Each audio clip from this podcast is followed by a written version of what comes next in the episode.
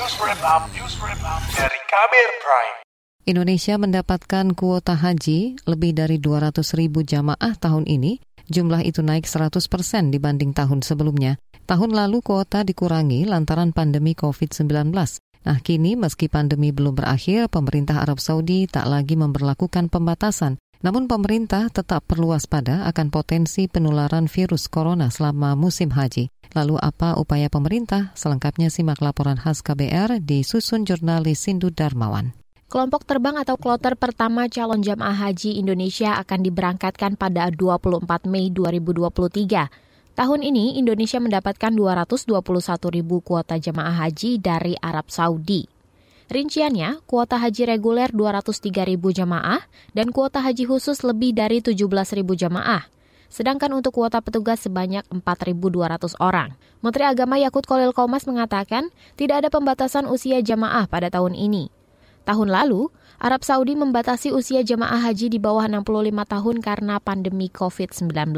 Wukuf insya Allah 27 Juni 2023 dan jamaah kembali pulang pada kloter pertama gelombang pertama Jeddah pada tanggal 4 Juli 2023 dan kepulangan kloter pertama gelombang kedua dari Madinah 19 Juli 2023 serta kepulangan kloter terakhir pada tanggal 2 Agustus 2023. Penyelenggaraan ibadah haji tahun ini juga mendapat perhatian dari Wakil Presiden Ma'ruf Amin. Wakil Presiden mengingatkan agar pemberangkatan haji dipersiapkan secara matang.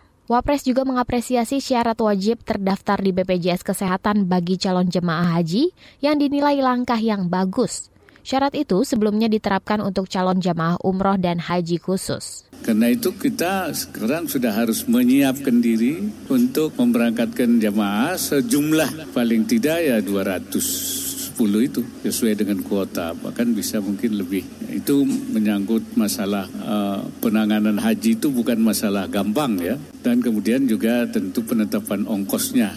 Ongkosnya supaya lebih rasional karena jangan sampai subsidinya itu terlalu besar sehingga nanti dana haji itu kemudian tergerus. Habis pokoknya.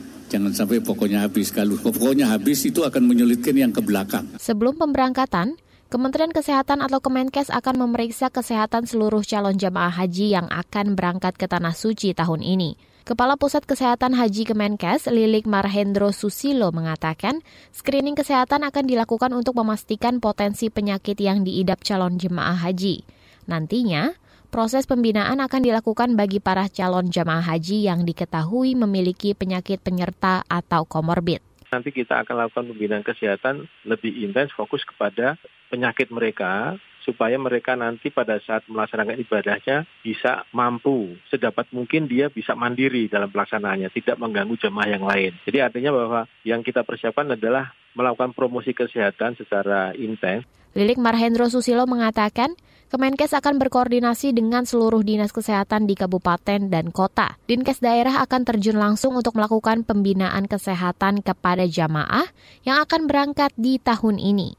Kalangan wakil rakyat di DPR mendukung pengetatan pemeriksaan kesehatan untuk pelaksanaan haji 2023.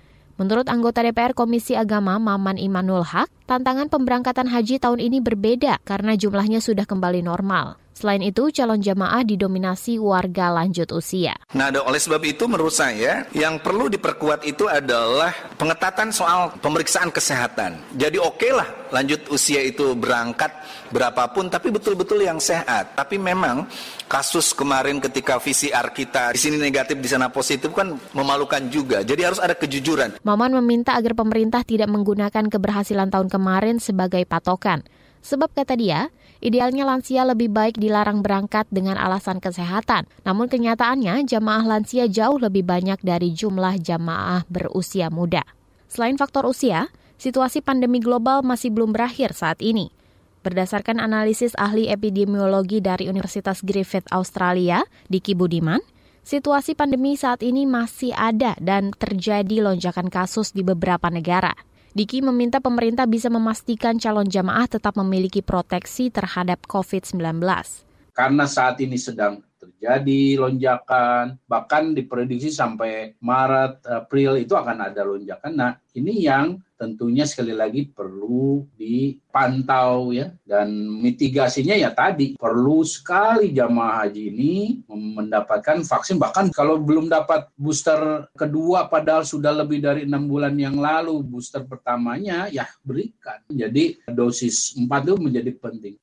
Selain vaksin COVID-19, Diki juga menekankan kepada pemerintah agar bisa memastikan calon jemaah haji asal Indonesia dalam keadaan sehat dengan melakukan screening di puskesmas.